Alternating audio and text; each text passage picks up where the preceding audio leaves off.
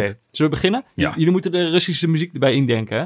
Die zit er nu Maar bij. kunnen we dus straks, hè, kunnen we dit gewoon hier afspelen. Dan Echt? Ja, dan wordt het echt vet. Oh mijn god, Tim, al die beloftes van jullie. Zoveel beloftes. Maar dit is, moeilijk. hier komt alles in bij elkaar. Ik teer op beloftes. ja, ja, ja, dat is waar. Nou ja, nu moet dat je het mee- maken. meemaken voordat we bij Talpa Eh, zitten. Het is Ja. opgenomen, Tim. Het is opgenomen. Ik ga het in de aflevering monteren. nu moet het. Staat het nu op? Oké. Vroeger zag ik op RTL 5 samenvattingen van The Invincibles van Arsène Wenger, Robert Pires, Thierry Henry, Dennis Bergkamp, snoeiharde en sierlijke spelers.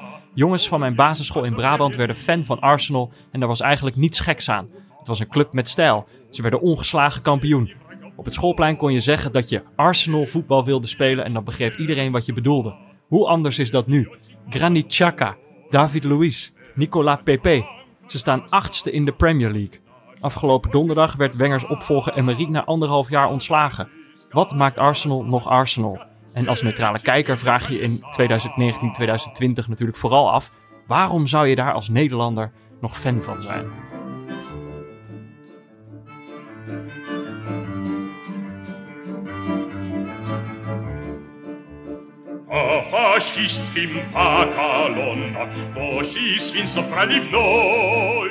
Zagarieli Zapiglioni, mio cicci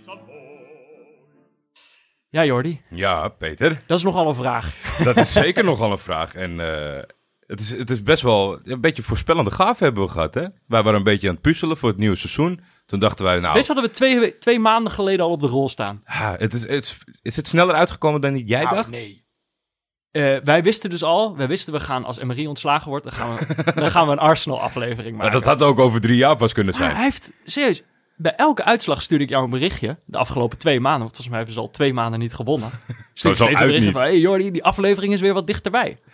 Maar het moest nog best wel lang duren. Maar hij is er, Hij is er, hij Ja, is er. Dus dat, eh, dat leek ons een leuk onderwerp. Om, eh, het Arsenal is ja, in, in, in mindere mate dan Barcelona, maar toch ook wel zo'n zo'n club die, die voor een groot deel geliefd is vanuit Nederland. Zeker. Ja. Nou ja, en ik denk dat er wel een reden voor is, maar daar zullen we het straks wel over hebben. Vast wel. We hebben twee fantastische gasten, daar komen we zo nog op terug. Eerst nog even over de vorige aflevering die we maakten met Frank Heijnen. Ja. Jij dacht, we doen even een leuk...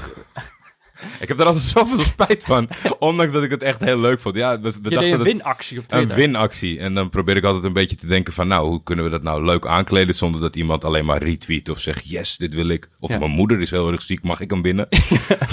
Terwijl zijn moeder kerngezond is, dan moet je echt straf krijgen. Ja. Nou, dus ik had gezegd welke, eh, want het boek van Frank Heijnen ging eh, eh, buiten de lijnen, gaat natuurlijk over vergeten voetballers. Ja. Eh, en of mensen dan een idee hadden, of, of speler hadden die zij niet wilden laten vergeten. En waarom dan niet? En dat is een document geworden waar je u tegen zegt. Frank, Zoveel reacties. Frank Heijnen was er heel blij mee, want ik denk, ja, ik ga het toch ook met hem delen. Want eh, hij is nog steeds aantekeningen aan het maken voor het vervolg wat er misschien nooit komt. Maar hij, was, hij was erg gelukkig met jullie. Maar daar moet nog even tijd en energie gestoken worden, want dat is nog best wel een tijd doorgegaan. Ik begin dan dag 1 altijd, want Ja. dat zijn de meeste. Maar dag 2 en dag 3 en dag 4 waren er ook nog een paar. Ja, dus de dan winnaar wordt we- nog bekendgemaakt. Maar het waren ook zulke leuke verhalen allemaal. Dat we, dat we misschien ook dachten van misschien moeten we daar nog een keer een, een aparte aflevering op terugkomen. En dan kijken of we die spelers ook daadwerkelijk van de vergetelheid kunnen redden. Ja. Door kijken of we ze kunnen bellen of zo. Nou ja, moeten we ook niet te veel Dat is eh, beloftes maken. Maar een, groots, eh, een groots plan, Ja. wat eh, heel leuk kan worden, maar daar zijn we nog mee bezig. komen we nog op terug. Dat is wel leuk. Maar we hadden sowieso wel wat meer mails en reacties. Eentje die we vorig jaar ook hadden. Dus Ja, nu, nu zijn we op tijd. nu zijn we op tijd. Maar ja. ik vind dat dus heel moeilijk inschatten. Ik vind het wel leuk. Zelf ben ik geen kijker slash luisteraar. Eh, mijn vriendinnen en haar familie zijn heel fanatiek. De top 2000 komt eraan. Ja. Volgens mij kan je dat ook niet ontlopen. eh, als je überhaupt iets van elektronica in je huis hebt. ja. En een, een, een groepje luisteraars die, die, die zijn eh, van plan... of die, die zouden het leuk vinden om Leon Lischner en zijn vrienden... die 2000 in te krijgen. Maar ja. Of dat kan, ik weet niet, ik kan het niet inschatten. Volgens mij zijn er altijd heel veel acties van dit liedje moet erin en dit liedje moet erin. ja, Maar ik weet dan nooit of dat dan ook lukt. Nee. Volgens mij is wel ooit de titelsong van Pokémon is er ooit ingekomen. Ik denk, nou ja, Maar ik denk dat... Ja, die zit ook in mijn top 2000. Die van jou niet? ja, tuurlijk wel. Maar Leon Liesner en Friends ook. Dus als mensen dat willen doen, dan moeten ze dat vooral doen. Maar, Ja, eh, En wij zullen waar, waar mogelijk eh, een, st- een steuntje in de rug bieden. maar ja, bij deze hebben we dat natuurlijk al gedaan. Ik hoop dat je vooral op één nummer kan stemmen. Want anders weet ik al dat ze te lui zijn om twintig liedjes te gaan verzinnen. ja, ik weet ook niet of dat kan. Kijk, ik weet er gewoon te weinig van, van die top 2000. Ja, aan de Ik andere kant, die lijst, Leo, Blokhuis. Leo, Blokhuis, zit ook een beetje in het voetbal, zijn we laatst achtergekomen. Ja, oh, dat is waar. dat is waar. Tim weet het misschien niet. Als dat- je zoekt in Instagram, dit is heel gek. Als je een story maakt. Als je een story maakt, dan kun je gifjes, kun je stickers, kun je, kun je stickers in gifjes, gifjes kun je dan zoeken. En als je dan intypt voetbal, dan krijg je echt een stuk of 10, 20 gifjes van Leo Blokhuis. In, Die in je een rode kaart geeft of, of buitenspelvlag. Of die zo'n bal omhoog houdt. En dan in het begin denk je nog, deze man lijkt op Leo Blokhuis. Maar het is Leo Blokhuis. En het is volledig onduidelijk waarom hij die gifjes heeft. Dit is wel leuk. Ja. Ja. Nou ja, dus kom op. Nou ja, als jij ook het verhaal weet achter Leo Blokhuis, kom ook gerust eh, Ja. eh, de uitzending in, eh, inlopen. Goed, dan gaan we nu even naar de actualiteit. Ja, Dit weekend, of nee, het was eigenlijk vorige week, stuurden wij elkaar een berichtje. Het is zover. Ja. En Marie ontslagen. En toen dachten we, nou moeten we zo snel mogelijk naar de studio van dag en nacht om een eh, aflevering eh, te gaan maken. Na het eh, verlies tegen Eintracht Frankfurt. En dus twee maanden. Onthutsend, ja. Demasqué. Schandaal. Demasqué dat twee maanden duurde. Misschien wel langer, anderhalf jaar. Misschien nog wel langer. Maar wij dachten dan, wij willen dan met mensen praten die voor Arsenal zijn. Ja, en ik- ik dacht dat dat best wel moeilijk zou worden. Want het is natuurlijk al, al, al eh, geruime tijd in een neerwaartse spiraal. Ik weet niet of mensen daarop staan te springen om daar vooruit te komen. Maar we hebben ons best gedaan. En eh, ik eh, denk dat we twee hele fijne gasten hebben vandaag. Eentje heb jij al een beetje laten vallen. Ja. Die heb je is, misschien ook al gehoord, omdat we dat eerste stukje er nog voor, voor de intro-tune erin laten zitten. Omdat er een belangrijke belofte in zit. De eerste is Tim de Gier. Hallo Tim. Hallo, hallo Peter. Ik dacht, jij knikt ernaar. Ja, me. Misschien Dat moet ik kunnen de nog- luisteraars niet zien. hè? precies zo goed wat hij moest zeggen. Nou, kijk, we hebben natuurlijk eh, Anne van Dag en Nacht Media heeft, eh, heeft wel eens in deze podcast eh, ingebroken. Eh, maar nu dachten we, we moeten ook even de andere, de andere co-founder van, eh, van Dag en Nacht moeten we even in de studio krijgen. Want Ja, jij, je, super leuk dat ik hier ben. en je bent voor Arsenal. Ja. Nou ja, kijk, Ajax is een soort gegeven hè, in je leven. Dat is gewoon, dat is overal. Dus als je voor onze Amsterdammers, we zijn de hele tijd met Ajax bezig. Mhm. Maar Arsenal is dan gewoon een soort van, eh, soort van buitenvrouw, is dat. Het is een, echt een liefde in, eh, in, eh, liefde in Engeland. Is er nog een liefde ook wel? Oké, Ja, zeker. Oké. Ja, en we dus- hebben nog een tweede gast, Jordi. Ja, dat is eh, eh, mijn goede vriend Rogerio Citaldin. Goeiedag. Goeiedag. Hallo. En ook jij, eh, je bent zelfs in, in een shirt of in, een- in een jekje gekomen van Arsenal. Ja, ik denk als ik dan toch word uitgenodigd, dan moet ik het wel eventjes uitstralen. ja. Tim heeft dat dan weer niet gedaan. Je hebt geen shirt aan. Maar gewoon, eh, je hebt een eh, Adidas eh, shirt aan. En je zei net nog van, ja, het is toch een beetje jammer dat het Adidas is. Ja, maar dat Nu. is Adidas. Het is een beetje, ik weet het niet. Nike is toch wat meer premium voor mij hoor. Maar het is toch echt Arsenal-liefde? Dat je dan, ondanks eh, dat het eh, Adidas is, toch dat Arsenal Het uh, is ook in jaren ook wel het beste trainingspak dat ze hebben uitgebracht, moet ik wel zeggen. Maar jij bent... Puma slecht? Heel slecht. Ja? Super slecht. Puma was volgens mij, dat shirt van Puma was helemaal gemaakt op het eh, lichaam van Zo. Olivier Giroud. dat, is gewoon, dat, de, dat is de enige bij wie het heel goed stond. één pasvorm. Ja. Ja. Giroud. En bij de rest zag het er niet uit. Hm. Hey, maar mensen die zich misschien... Jij bent ook echt Arsenal-fan. Oké, Klopt. we gaan het straks Echt nog wel... Arsenal fan, ja. We gaan straks echt nog wel een beetje graven hoe dat dan precies komt. Graven, en waarom dat nog steeds zo is. prikken, duwen. Maar misschien dat we voordat we dat doen, toch even uitleggen. Ehm, eh, kijk, deze podcast heet Neutrale Kijkers. Mhm. Maar kijk, dan, we hebben dan nu in de studio. Wij moeten ook een beetje begrijpen, Jordi, waarom mensen voor club zijn. ja, tuurlijk. Toch? Dat moet je, dan moeten we ook wat dieper kunnen graven. Ja, maar ik denk dat daarom geen eh, betere twee mensen die eh, clubsupporters kunnen interviewen dan, dan ons twee. En, kijk, misschien is het ook zo. Kijk, als het dan heel slecht gaat met je club. Misschien kun, kan dan juist het neutrale kijken ook een soort vluchtoord zijn voor hun. Dus misschien kunnen we ze nog verleiden. Is dit de ultieme oplossing voor, voor de pijn die je hebt als je Arsenal supporter bent? Mhm. Ehm, wat wij meestal willen doen in dit nieuwe seizoen. We, we hebben het één keer geprobeerd. Toen hadden we het nog niet goed geïntroduceerd aan onze gast. Maar we wilden graag, ehm, eh, om een beetje duidelijk te krijgen hoe onze gasten hier in de studio zitten. Wat ze, waar ze mee bezig zijn in hun hoofd. Dachten we als iedereen een eigen headline meeneemt van de afgelopen week of de afgelopen tijd. Een, eh, een, een, een kop uit de, uit de sportjournalistiek. Om een beetje eh, beeld te krijgen van wat jullie dan bezighoudt. Nou, het nieuws is natuurlijk dat Emery is ontslagen. En dat er, eh, dat er in- inmiddels iemand anders dus die trainer niet. is van Arsenal. Nou ja, dat mag ook wel. Hmm. Ja, maar jij stuurde er gelijk al eentje door. Ja. Misschien kan jij wel beginnen, Tim? Maar toch wel weer Arsenal gerelateerd, zag ik. Ja, ik dacht, het moet in het thema blijven. Nou, hoe- ja, dat hoeft absoluut niet, maar oké. Oh, Het was eh, Ja, het ging over dat er is eigenlijk een soort van... eh, Arsenal is een soort ombudsman voor het publiek. Die eigenlijk eh, een soort eh, de brug vormt tussen het publiek en de, en, de, en de club. Dat vond ik wel mooi, want Arsenal die denkt dus heel erg na over de fancultuur. Heeft ook zeker een beetje een toxic fancultuur. ook op de tribune zitten. En het is echt de allerduurste club ter wereld. En je moet echt je moet een nier afstaan om in het stadion te Ook qua komen. seizoenskaarten en zo. Ja, het is Ah, echt, het is echt een dure, moe- moeilijk om er naartoe te gaan. Ik ben ook nog nooit geweest. Maar ehm, eh, ik vond wel mooi dat ze dit gedaan hadden, want ze denken er wel heel erg serieus over na. En ze hebben heel veel supporters ook. Ondanks dat jullie de hele tijd zeggen, hoe, hoezo zou je... in God, jullie hebben dit als soort antropologisch experiment, hebben jullie dit geïntroduceerd. Arsenal-fans, wat zijn dat voor diersoorten? Wat ze zijn, bezielt die mensen? ze zijn zeldzaam en uitstervend. Hier zien we ze bij de drinkplaats. Ja. Maar wat was, wat was het voor artikel? Want dan kunnen we dat ook wel even in de show notes zetten als het interessant is voor, eh, voor Arsenal-fans. Nou, het gaat dus over fancultuur bij, eh, bij, eh, bij Arsenal. En natuurlijk eh, publiek wat structureel ontevreden is. Ja. maar ook eigenlijk invloed wil hebben op wat er bij de club gebeurt. En dat heeft Arsenal heeft opgelost door een soort van tussenpersoon voor die het publiek Oh, ze vertegenwoordigt. hebben letterlijk een ombudsman gewoon. ja, ja, ja. Oké. Ze noemen het anders. Hoe noemen ze het ook weer? Staat- heb je het artikel hierbij? Ja, god ja, maar hij, hij laat hem nu niet in deze Oh, studio. jeetje. Heb jij wel? Jeetje. Nou ja, ik, ik, ik, ik zat er wel een beetje in de hoek. Nou, ik zat niet een beetje in de hoek, maar aanvullend daarop. Het leek een beetje geïnspireerd omdat eh, eh, Rory Smith van de New York Times, die had eh, afgelopen weekend een artikel geschreven over de band eh, met Arsenal Fan TV, waarvan Arsenal gevraagd heeft om dat niet meer Arsenal te noemen. Dus dat heet AFTV tegenwoordig. Echt? Ja, is echt beroemd. Hè? Arsenal Fan TV is echt one Ja. of a kind. ja. Namelijk mensen die de hele tijd leeglopen in hun woede voor de camera. Dat is een beetje hard om Maar te dat is een beetje wat wij doen op Twitter, toch? Als Arsenal verliest. ja. Ja. Een klein beetje. Ja, emotion, emotional breakdown Het, het, het, het, gaat, het artikel gaat erover of dat, eh, een, of dat samen kan gaan. Een, een, een- kanaal, inmiddels op AFTV heeft 1 miljoen leden. Eh video's worden 300.000, 400.000 keer bekeken. En eigenlijk, er zijn, pas na de uitslag zeggen we met z'n allen online van... Oké, we gaan even zitten voor Arsenal Fan TV. Als ze 5-1 winnen, dan hoef ik het niet te weten wat die gekken ervan vinden.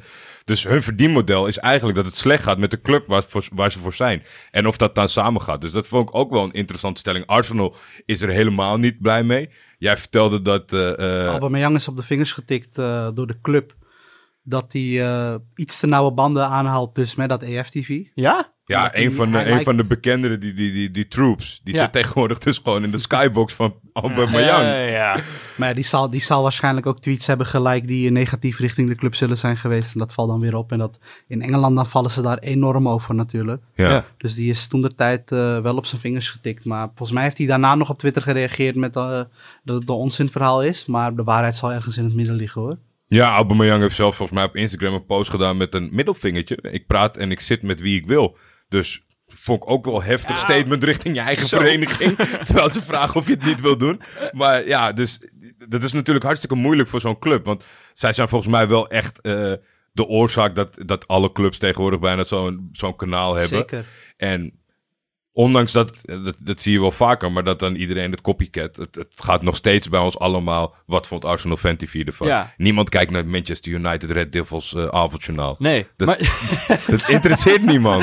maar het is uiteindelijk ook, volgens mij is dat ook een succes geworden, omdat het op een gegeven moment slecht ging met Ja. Arsenal, toch? Dus zij zijn juist succesvol. Maar sinds zij erbij zijn, gaat het alleen maar slechter met de club. Dus eh, zal dat, en dat is een beetje de stelling waar je natuurlijk niet Ja. zo rechtstreeks antwoord op kan geven. Het is misschien ook de toxic fancultuur waar jij het over hebt, Ja. van Arsenal. Ah, Ik vind zelf altijd dat supporters niet al te veel invloed moeten hebben op wat er zeg maar, aan technische beslissingen worden genomen. Maar ik zou zeggen nul. ja, Ik vind altijd een beetje een, een, een, een... Ik word altijd een beetje huiverig van fans die zeggen, maar wij zijn de club. Wij, dat, Ja. ja.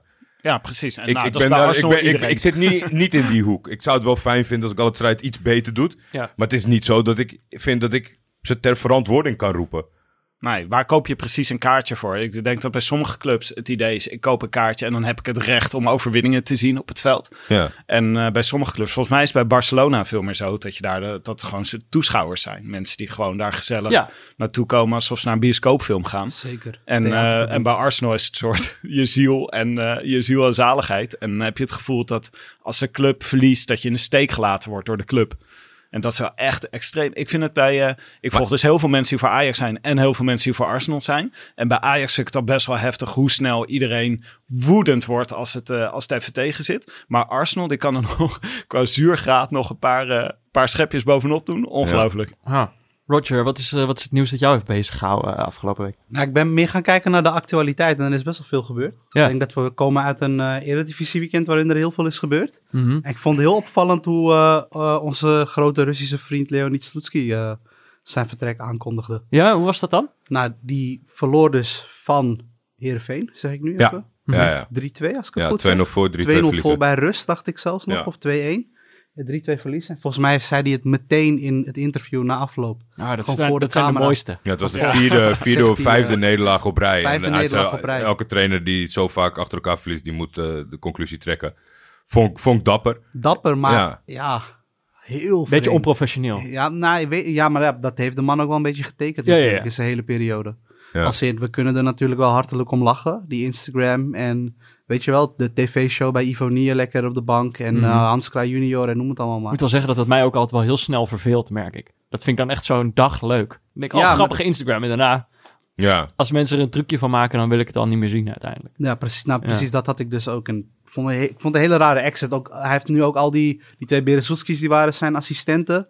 Die heeft hij meegenomen, die oud-verdedigers. Ja, Dus ik ben heel benieuwd wat ze nu bij Vitesse gaan doen. Ik vind vijf nederlagen op rij van Vitesse, oké, het, is, het is ruim.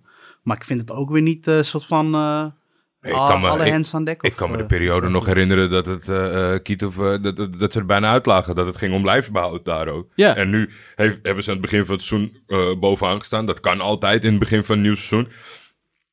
Eh, het zat wel wat verkeerd, maar ik denk dat daarom ook zo'n hals over de kop beslissing is geweest. Dat hij zoiets had van, wat dat hebben, denk ik, goede trainers, of tenminste vind ik wel een goede eigenschap van een trainer, dat je kan inschatten of die ploeg nog zin in jou heeft. Als jij gewoon van substantieel eh, slechtere selecties verliest, dat valt met Heerenveen op dit seizoen zeker wel mee hoor, maar ze hebben wel tegen een paar sepers aangelopen. ja. En ik denk dat hij gewoon eh, constateerde, wat ik ook vaak constateer, dat de spelers er niet zo heel veel meer om gaven. Ja, En dan kan je maar beter weggaan dan dat je... eh, ja ik denk- ik, vind, het- ik vind het heel sneu. Ik, ik vind meer dan vroeger dat je ziet als een selectie een trainer kwijt wil. Ja. Ik, ik stoor me daar enorm aan als ik dat, als ik dat constateer. Zeg maar dat je vijf keer achter elkaar verliest, trainer weg, nieuwe trainer en je wint drie keer. Dus Nou, dan, dan is het misschien het nieuws dat mij... eh, ik had uiteindelijk ook eh, nieuws... Ik had ook nieuws over ontslagen trainers. Omdat het is nu natuurlijk wel... Het hoogseizoen begint, weet je Ja, wel. ja, ja. Wie haalt de kerst? Eh er komt nu steeds dichterbij. Slutsky is inderdaad uitgevlogen. Het is Potje- eigenlijk een soort buitentel van dorp geworden, Peter. Dus Hoezo? ze zeiden altijd, wat is jouw nieuws van de dag? ja, ja, ja, ja, ja. Nee, maar dat, dan hebben we Jordi's doel Ja, dit- ja dat, is, dat is mijn ultieme goal voor dit. Toen deze podcast nog niet bestond, zei Jordi... Het moet een soort Barend er vandoor worden. Ik mis alleen nog een whiteboard waarop we tactieken kunnen uitschrijven. Ik ben, ik ben in onderhandeling met Jan Mulder. Ja, Als tafel. dat is een goede, goede sidekick voor jullie. Maar het begon, een beetje, het begon een beetje met Pochettino. Dat was een beetje het start zijn van... En nu vliegt iedereen er gewoon, eh, gewoon uit. Dus Slutsky inderdaad. Als Spurs het doet, dan kunnen wij het ons ook wel dan, dan, permitteren. mag, dan mag iedereen. Kik, Kike Sanchez Flores was natuurlijk ook een beetje een treurig verhaal. Zo Ja. de tweede trainer die dit jaar wordt ontslagen bij, bij Watford. Alfons Groenendijk. Volgens mij vandaag of gisteren. Vandaag, de, eh, Robert Groot Molen- gemis voor de Eredivisie. Hele kleurrijke trainer. Ja, ja. Dat is, eh, eh, Robert Molenaar is natuurlijk weg bij Almere City. Nou, dan weet je, dan Nou. is het echt aan. Voorlopig geen Polonaise in Nederland voetbal. Sint-Truiden, voor de Vlaamse luisteraars. Sint-Truiden heeft ook de trainer eruit gegooid. Nee. Dus STVV? is, eh, Mark Brijs. Mark ja. Brijs. We Mark hebben nog verleden bij Den Bosch en Eindhoven. Zeker. Is hij niet Dus, met Stam begonnen dan? Ik was vorige week bij Shotcast. En niet dat je denkt dat ik weet wie Mark Brijs is. Misschien inderdaad wel met Jaap Stam. Dat dat het startsignaal was. Dat ze bij Tottenham dachten, ja. ja, zij. Maar eigenlijk, waar het me eigenlijk om gaat, dit nieuws. Het gaat om de trainer die niet ontslagen is. En dus misschien ook om een selectie waar je van afvraagt. Hoeveel geloof is er nog in de trainer? En ook dat je ziet hoe dat dan gaat op zo'n moment. Eh, Mark van Bommel, die natuurlijk onder hoge druk staat bij PSV. eh, die dan in een, in een interview ook zegt... Nee, ik denk absoluut niet aan vertrekken. Dat is wat mij een beetje bezig hield. Omdat ik denk, hoezo, hoezo denk je daar niet aan? Weet je wel, natuurlijk gaat dat door je hoofd. Als het al, al maanden zo, eh, zo Ja, gaat. maar misschien, misschien dat hij meer, meer doelt op het feit van... of ik zelf de hand doe in de ring gooi. Ja, Dat bedoel, daar, dat kan, je- is- daar kan je toch niet over na willen denken. Maar dat zei hij een paar weken geleden wel. ik denk misschien twee weken geleden zelfs zei hij, ja, maar als ik het signaal krijg dat dit het niet meer gaat worden, Ja, dan stap ik zelf op. ja. En nu zegt hij, ja, maar we hebben twee goede helften gespeeld tegen Herenveen en tegen Emmen. En ja, de ene keer winnen we en de andere keer spelen we gelijk. Die hij ook had kunnen verliezen tegen Emmen trouwens. Maar dat haal ik enorm uit, hij, uit, uit, nou kan zijn, ik niet opstappen. uit zijn constateringen. Dat hij zelf voldoende ruimte ziet. Ja. Dat hij bepaalde oorzaken ziet waardoor het nou net niet goed gaat. En dat hij denkt dat dat wel op de rit komt. Maar volgens mij is het dus ook altijd een soort spel. Dus je probeert als trainer ook heel lang te bewaken van nee, nee, nee, het gaat nog wel goed, het gaat nog wel goed. Weet je wel, je probeert de, de, de bloedhonden even buiten te houden. Weet je wel, Sloetski is dan iemand die gewoon na zo'n wedstrijd denkt, ja, doei, het is klaar, het is klaar ik vertrek. En hoe is dat bij eh Emery gegaan dan? Nou, was dat ook al Ja, dat zat er echt al aan te komen, toch? En- maar ik had het ja. gevoel, ik, ik ben heel benieuwd eh, wat jij daar, hoe jij daarover denkt. Want ik had het gevoel dat eh, eh, het op een gegeven moment dan, het tij gaat echt keren als coach. De, de resultaten kunnen tegenvallen. Maar als er dan getornd wordt aan de identiteit die iedereen zelf bij de club het gevoel heeft, dit is echt wat Arsenal is, bijvoorbeeld. Mhm. Dan gaat, kan het echt snel gaan. En dat zag je echt op een gegeven moment bij Emery. Ging de hele tijd ja, de, de, de tegengoals vlogen je om de oren. Dus ging hij steeds meer verdedigende spelers opstellen. En dan denk je, ja, dit is echt het begin van het einde. Want dan gaan op een gegeven moment gaan zeggen, ja, dat is niet Arsenal, hè? Nee, dat is aanvallen. Ja, Ja. dat is aanvallen en in schoonheid sterven. Maar dan is het Absoluut. interessant, misschien is dit dan het moment om er even achter te komen waar dat idee van zo'n identiteit precies ontstaat. Want jullie hebben natuurlijk ook allebei een eigen idee van waar Arsenal voor zou moeten staan. Ehm, zullen we dan met jou beginnen, Roger? Waar is dat begonnen? Wanneer, wanneer werd jij fan van Arsenal? Mijn fandom met Arsenal begon, ja, ik, ik durf het jaar dan niet te zeggen, maar het begon echt al voor die Invincibles periode. Dus dat zal 2002, 2003 zijn geweest, misschien iets eerder. Ja. Hoe oud ben je Ik eigenlijk? kom uit 1992. Dus De Invincibles waren 2003, 2004. Ja, ik, ja. en ze zijn kampioen geworden al eh, twee jaar daarvoor in 2001, 2002. ja, ik denk dat het rond die periode begon. Eh, Het begon eigenlijk voor mij met eh, zaterdagmiddag RTL 5. Ja, ja, Ja, ja. ja. Van beide Engels voetbal. Ja. Ehm, en eh, dan zag je Arsenal spelen, je zag Manchester United spelen. En eigenlijk Liverpool zag je wel. Met Michael Owen volgens mij toen de tijd al. En Harry Viduka. Ja. Maar ja, Thierry Henry, Dennis Bergkamp, Sylvain Wiltor. Dat, zeg maar dat voorin. Toen Ja. was ik ik was om. En dat stadion, Highbury. Ik denk dat dat is zeg maar het mooiste stadion dat, dat ik ooit heb gezien. Mhm. Op tv dan. En ja, daar, daar ben ik, sindsdien ben ik eigenlijk helemaal eh, op die Maar club. wat was het dan? Het was dat, dat spel. Het was de combinatie van het spel en je had zeg maar, op Highbury had je een heel ander camerastandpunt. En dat was toen als tienjarige, tien, elfjarige was dat super indrukwekkend. Want je zag, je zag Dat bijna... de- heel close-up, omdat ja, het maar zo je klein zag was. bijna de zijlijn aan, Ja. de, aan Oh, zeg maar, dat de onderkant van het veld niet. Ja. Vanuit waar je keek. En was het En- ook een heel smal veld? Was het toch, of niet? Ehm, Ik denk dat het de minimale het- afmeting ja, het was. het was een van de kleinste velden. Ja, Of zo. Een, van de, ja. een van de smalste velden van Europa. Ja. Maar gewoon dat, dat stadion en dat je dan zo tussen dat stadion in zag je, zag je die huizen. En dat zie je wel bij meerdere clubs in Engeland. Maar dit was natuurlijk een club die wel gewoon won op dat moment. Dus Ja. dan, ik bedoel, je bent, je bent jong, je weet nog niet zo super veel van voetbal op dat moment. En dan, ja, dan word je gewoon fan. Ja. En sindsdien is het eigenlijk altijd gebleven. En ik heb nooit echt eh, heel veel sympathie gehad voor een andere club in Engeland. Moet ik zeggen. Want Chelsea kwam heel snel op daarna. En je had natuurlijk al, toen, toen de tijd had je heel erg die, die veten tussen United met eh, Roy, Roy, Ja, ja. Keane- Roy, Roy Keane is het? Ja, Ja, Roy ja. Keane. Ja. En Patrick Vieira natuurlijk ja. bij Arsenal. Nou, dat is goud. Da- Ja. Daar doe je het voor. En ja, dat... Wenger en eh, Ferguson. Wenger en Ferguson ook nog. Ja, dat is prachtig. En maar waarom dan Arsenal en niet Manchester United? Ook, ook een mooi stadion. Ik Net een ander stadion, misschien net een ander camera-standpunt. heel raar misschien om te zeggen, maar ik vond het hele lelijke spelers daar. Allemaal. Als in niet qua uiterlijk, maar gewoon qua voetbal. Ja, ja, ja. Ze straalden geen flair uit en ik vond dat echt een, eh, een soort van werkersploeg met eh, jongens die allemaal heel stoer moesten doen. Nou, het En, waren ook absoluut eh, geen, geen, het- geen technisch begaafde spelers. Nee, dat is Arsenal misschien een, meer. een beter. Ja, Nee. ja dat, ik denk dat dat zeg maar een soort van herkenbaarder is als je het Nederlands voetbal kijkt. Zeker eh, de, de clubs die prijzen winnen. Dat komt Arsenal veel dichterbij dan United. United is altijd zakelijk geweest dat je die opstellingen van toen oplepelt. Ja. Daar zit weinig. Ik denk dat Cristiano Ronaldo de eerste was die daarbij kwam. ja. Die, eh, die een keer een, eh, een, een, een, Beetje een AKD. frivoliteit, ja. Ja, Nou, dat- Cantona, Kant, die, die- Cantona wel, wel. Maar dat is, ja... Ik weet niet of ik hem... Of, of ik hem in de trucjeshoek wil duwen. Het is heel sierlijk, heel elegant. Wel heel mooi, heel bijzondere speler. Zit wel Maar- een beetje Arsenal DNA in. Moet je niet tegen hem zeggen hoor. Nee, Maar, nee, eh, schopt hij over de Het is boarding, uiteindelijk Peter. ook een Fransman natuurlijk. Maar Uiteindelijk. eh, Tim, hoe is het bij jou begonnen? Ik ben eigenlijk iets later ingehaakt. Later? Ja, Later? dat is wel grappig. Ja, ik Ik, ben dacht, dus ik niet... dacht, eh, jij bent Jij ouder dan Roger, en, eh, dus jij komt aanzetten met... eh, Jij hebt de Zeker, ja. Vapo-rub tijd. nou, maar ik ben gewoon... Heb jij niet meegemaakt? Ja, ja wel? Ik keek, ik keek wel heel veel Engels voetbal al. Ik had, eh, op een gegeven moment had je een eh, computerspel dat heette Ultimate Soccer Manager. Ja, oké, ja, ja, ja. dat was echt, dat ging over Engeland, de Engelse League in 1993 of zo. Mhm. En toen ben ik eigenlijk met Engels voetbal ingehaakt, maar pas veel later bij, echt bij Arsenal. Eh, een beetje meer in de periode, eh, ik denk 2007, 2008. Daar. Beetje het einde van Ber- Bergkamp misschien al. Ja, eh, het was toen meer de periode van. Fabregas en eh Gleb en eh, Ja, ja, dat ja. soort Adebayor. Adebayor, dat vond ik echt een hele vette periode. En, eh, maar het, het een beetje is meer de tweede, toeval. de tweede leg van, eh, van, van Wenger eigenlijk. Ja, maar ik ben gewoon, De derde misschien. nou, ik ben, laat ik eerlijk zeggen, ik ben gewoon heel beïnvloedbaar. Ik had toen een vriend uit Australië, die was heel grote Arsenal-fan. Dus ging ik daar helemaal in mee, liet me helemaal opzwepen.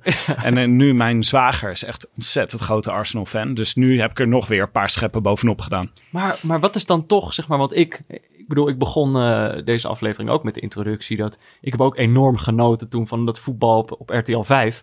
Eh, en daar was, toen was Arsenal gewoon de, de leukste ploeg om te zien, in ieder geval in die samenvattingen. Nou, Maar ik heb, ik heb me niet aan hun verbonden of zo. Dus op het moment dat het slechter ging met Arsenal, dacht ik niet, oh, dat vind ik nou jammer of zo. Dan dacht ik gewoon, ja, oké, dan ga ik gewoon weer naar een andere ploeg kijken die op dat moment leuk is. Was toen Barcelona of zo, was toen heel goed. Waarom blijf je dan bij één buitenlandse club? Ja, het, bij, bij Arsenal is het ook heel erg. Je moet niet vergeten dat Arsenal was altijd dirty. Of eh, nee, boring Arsenal was dat altijd. Ja, Dat was een beetje gewoon een. eh, dat was niet zo heel mooi eh, voetballende club. En het was saai, eh, 1-0's, weet je wel, 0-0's. En bij Wenger is een soort revolutie ontstaan bij Arsenal. En dat hebben heel veel mensen. Ik denk dat wij dat heel erg. Omdat wij in de jaren 90 van voetbal zijn gaan houden. Dat heel erg hebben meegemaakt. Dat de revolutie bij Arsenal uitbrak. En ineens werden het hele mooie voetballers met net iets te grote shirts altijd. In Ja. het stadion waar de camera laag stond. En eh nou, Nederlandse, Nederlandse inbreng in de ploeg. Dus daardoor leer je het kennen. En dan op een gegeven moment... Ja, weet je waartoe je... Ik vind ook altijd dat je heel erg eh, fan kan worden van een club... doordat je andere clubs begint te haten. Dus dankzij Ja? Arsenal Oh, krijg je ook gewoon... zeker. Ja, steeds Ja, meer een hekel aan Chelsea gewoon. En dat is gewoon... Dan ga je steeds, word je steeds fanatieker voor Arsenal. Ook Ja, absoluut. Maar bijvoorbeeld bij mij is het zo, ik, ik had nooit echt haat voor Tottenham. Ja, Als in, ik voelde die hele rivaliteit niet. En ehm, nu ja, wel. ja, nu zeker, zeker. Oh, ontzettend. Maar Maar is dat dan niet toch, want je komt er niet vandaan of zo? Toch voor mij is dan toch, kijk, ik, ik identificeer me in de eerste plaats als, als neutrale kijker. De tweede plaats eh, is, is Ajax een soort gegeven omdat ik nou eenmaal in Amsterdam eh, eh, woon. Maar ik ben er ook geboren. Wat voor mij altijd een soort reden was. Dat klinkt dan toch een beetje smerig, misschien ook een beetje bijna een soort chauvinistisch tintje zit er ook aan. Maar dat is dan de reden. Terwijl je komt niet uit Noord-Londen. Toch? nee, zeker niet. Nee, maar ik denk, ik- dat is vooral, denk ik, een, een- een, een soort van, dat zijn ook zoveel omstandigheden. Als je kijkt naar, naar Turkije, wat veel groter is natuurlijk dan, dan, dan Nederland. En daar word je opgegroeid met de- eigenlijk heel ver van jouw toekomstige favoriete club vandaan. Want iemand in jouw familie gaat je overtuigen voor het zijn van een van de drie topclubs uit Istanbul. Nou, eh, je kan er zomaar eens 3000 kilometer vandaan wonen. Ja. Dus dat, dat, dat je kan zijn voor de club waar je geboren bent, dat is ook wel een beetje een geografisch dingetje. En dus ik, maar ook ik vraag het me wel eens af. Voor mij is dat een lastig startpunt, omdat ik zelf twee clubs heb die ik een warm hart toedraag. Maar dat, is dan nog wel een soort van met je nationaliteit te maken en niet, niet zeg maar over de grens. Ja. Dus ja, ik vind, ik vind het ook wel interessant dat je, dat je het op, op, die manier kan omarmen. Want ik beleef het veel meer zoals jij bent. Eh, eh, het seizoen eh, kijken we. En dan gaandeweg kunnen we wel eens kijken of dit jaar AS Roma of Lazio Ja. Roma leuk is. En dat zien we dan wel weer. Ja. Het, maar het is toch hele pure liefde eigenlijk, Peter. Het is toch, eh, wij zijn gewoon, wij kijken naar Arsenal en wij denken, oh, maar dit is echt het team om van te houden. Zonder dat wij uit Noord-Londen komen. Ik denk dat het iets anders is dan liefde, maar daar zullen we het straks Oh, je hebt, het, je hebt een theorie?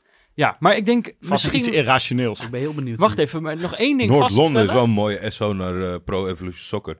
Hoe ze daar heten zonder licentie. Dat is ook Maar belangrijk. even kijken, jij bent nooit bij een wedstrijd geweest, Tim? Nee. En jij, Roger? Nee, ook niet. Ook niet. Maar het is echt moeilijk. Het is moeilijk en, En super duur om naartoe te gaan. Als ze ergens anders spelen? In de Ja, buurt? dan moet je in het uitvak gaan zitten. Ja, ja, Dat is echt, ja. eh, maar je houdt toch van die club? Nee, zeg maar, dan moet je in het vak van de tegenstander gaan zitten. ja. Ja, dat... Vind je een link? Nee, dat doe ik niet. Ja. Ja, ik ga niet... Dat eh, snap ik ook wel weer. Oké, maar dan, dan nu toch een beetje de, de, de hamvraag voordat we, naar de, voordat we echt de diepte ingaan naar de, naar de sponsorbreak.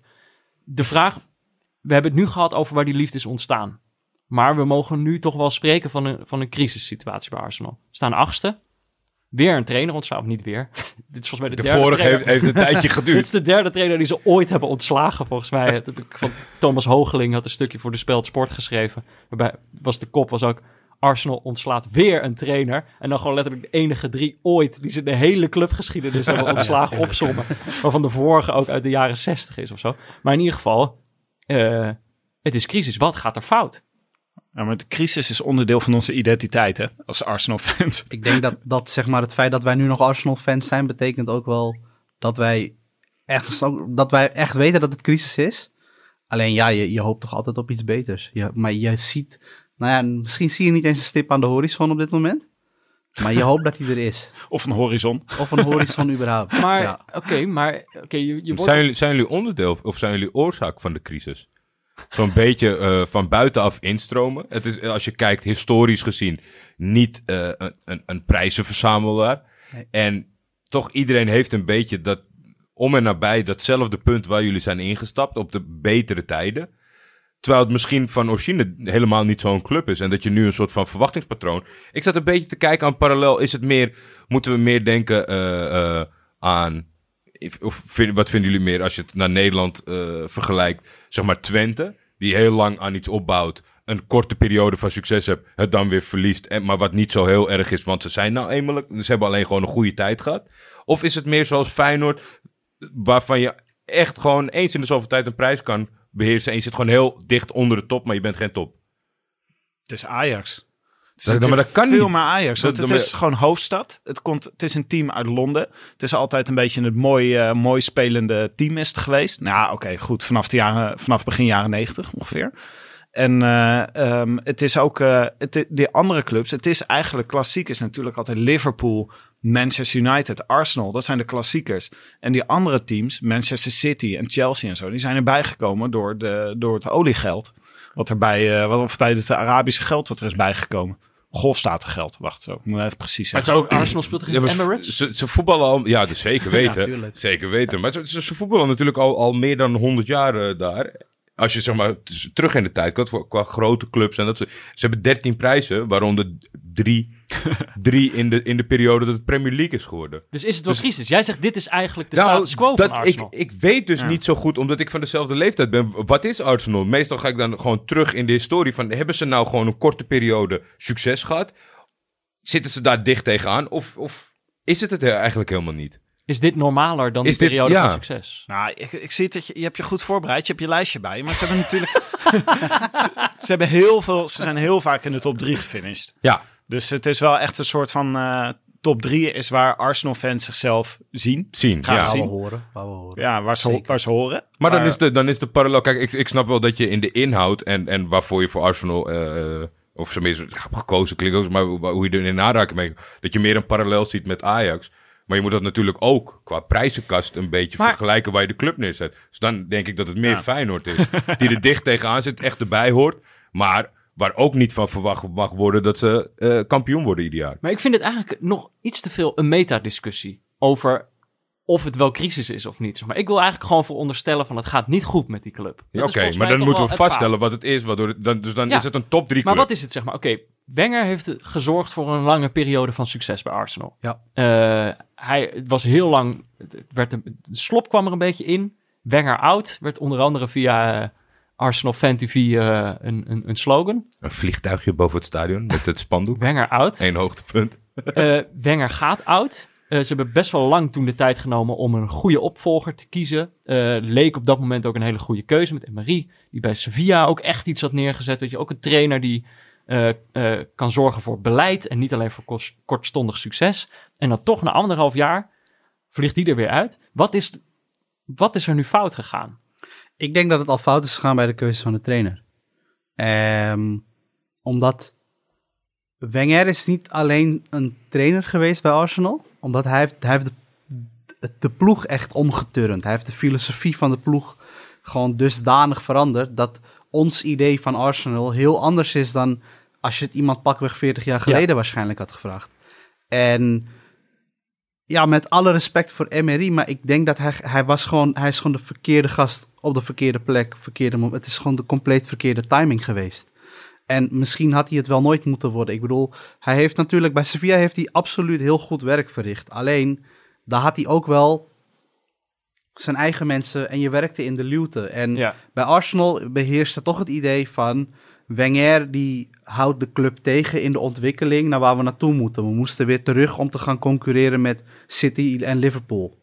Want United was al weggezakt in de afgelopen jaren na het vertrek van Ferguson. Ja. En dan wordt Emery gehaald.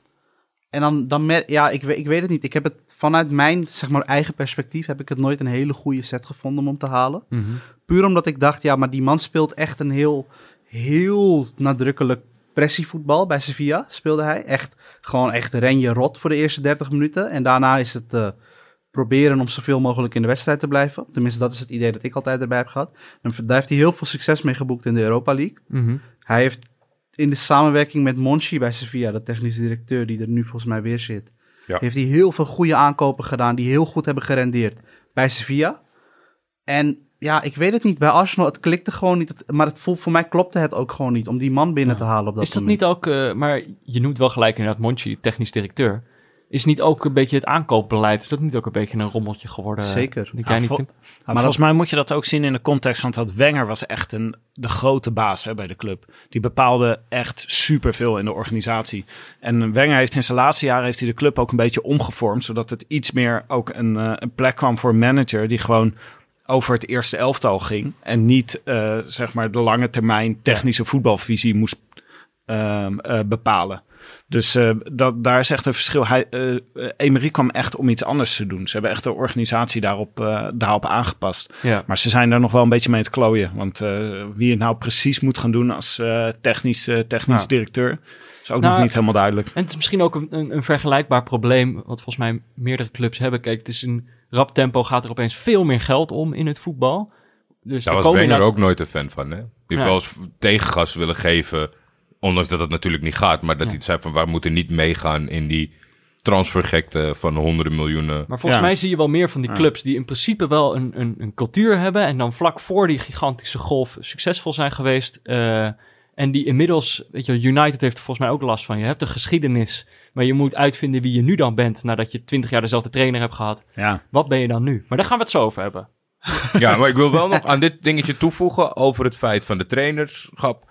eh, en het grapje van Thomas. Eh, wel, het is wel anderhalf jaar, hè? Ja, het is Er zijn, er zijn kort. eigenlijk, al, nou, lang. Jij vindt het lang. Ja, ik vind dat lang. Voor hoe slecht het tegenwoordig ging. Ja. iemand de, de, de tijd te geven. Wat anderhalf seizoen, dan mag je ook best wel wat verwachten. Dat je op een gegeven moment zegt van... Ik kan niet als trainer eh, eh, wonderen verrichten. Anderhalf seizoen is tegenwoordig...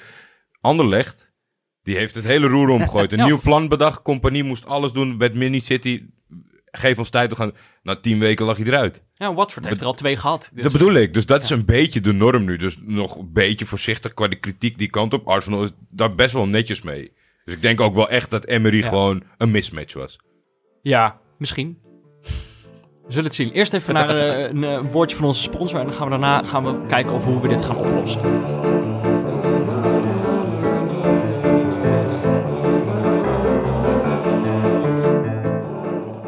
Ja, deze podcast wordt natuurlijk mede mogelijk gemaakt door eh, Auto.nl, Jordi. Eh, Ja. Auto.nl en Arsenal. Hoe gaan, we dat, eh, hoe gaan we dat aan elkaar verbinden? Ik, heb, ik heb wel zo'n invincible auto gehad. Maar weet je wat het is, Jordi? Die blijft niet invincible. Op een gegeven moment is dat op. Op er, komt een dag dat hij dat hij niet meer wil. een gegeven moment... En dan zit er een eruit. Spanjaard met een nieuwe auto voor je deur. En die je naar de Europa League gaat rijden. ja, dat, dat gebeurt gewoon. Dus soms moet je vernieuwen, dat is gewoon zo. Dan moet je een nieuwe auto kopen. Nou, dan koop je inderdaad een nieuwe Spaanse auto. Ja, Anderhalf Seat. jaar denk, na anderhalf jaar denk je, ja, rijdt gewoon niet zo lekker. Moet je weer een nieuwe. Niet zo lekker als die vorige jaar, dan moet je weer nieuw. En waar ga je dan naartoe? Dan ga je naar auto.nl. Dan ga je naar auto.nl. kon je van alles doen. Ik, maar we weten niet, nu hebben ze, Arsenal heeft nu, is nu een Zweedse auto, toch? Nu een Zweedse auto, dus dat wordt Volvo. Kan keihard, kan die. Ja, ja. Eh, echt een Heel veilig. auto. Heel veilig. dus de, de- de verdediging zal waarschijnlijk iets beter worden de aankomende weken. Ja, Eh, ja, kopen, leasen, nieuw, tweedehands. Alles bij Auto.nl. allemaal bij Auto.nl. Als je daar nou, het Auto.nl is dus een soort, ja, je kan eigenlijk een pizza bestellen, maar dan dus een pizza eh, met wielen Ja, waar je in kan zitten. ja. Eh, auto's bestellen online. Als je Met hier het meer over gemak wil van weten, een pizza. het gemak van een pizza of een stel schoenen. Ja. Zoiets kan je ook online bestellen. Dat zou misschien wel handig zijn voor trainers, dat je twee weken kan uitproberen. Ja, En als die trainer niet bevalt, dat je hem dan terugstuurt. Want Ja. daar hebben ze bij Auto.nl wel al gedacht. precies. Wat dat betreft hebben ze bij Auto.nl beter geregeld dan bij Arsenal. Hm. Mocht je hier meer over willen weten, dan kan je iets bekijken op eh, auto.nl slash neutrale kijkers. Want dan weten ze ook dat je via ons komt. Ja. Dat is voor ons dan weer handig. En dan kunnen wij misschien een keer naar Arsenal. Het schijnt heel duur te zijn.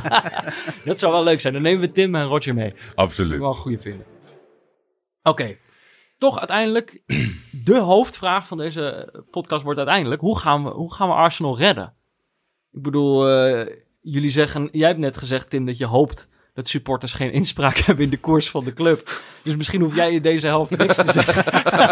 Dat zijn we uitgepraat. Ehm, maar, Wat kunnen wij doen, is, eh, is dus de vraag. nou nee, wat zou er moeten gebeuren? Nu is het zo... Emery is de, is de, is de laan uitgestuurd en Ljungberg is, is eh, neergezet als interim trainer. Toch? Zo voelt het. Of is hij gewoon... Vlak voor de uitzending las ik dat hij goede kans maakt om het wel eens... om gewoon de job te krijgen.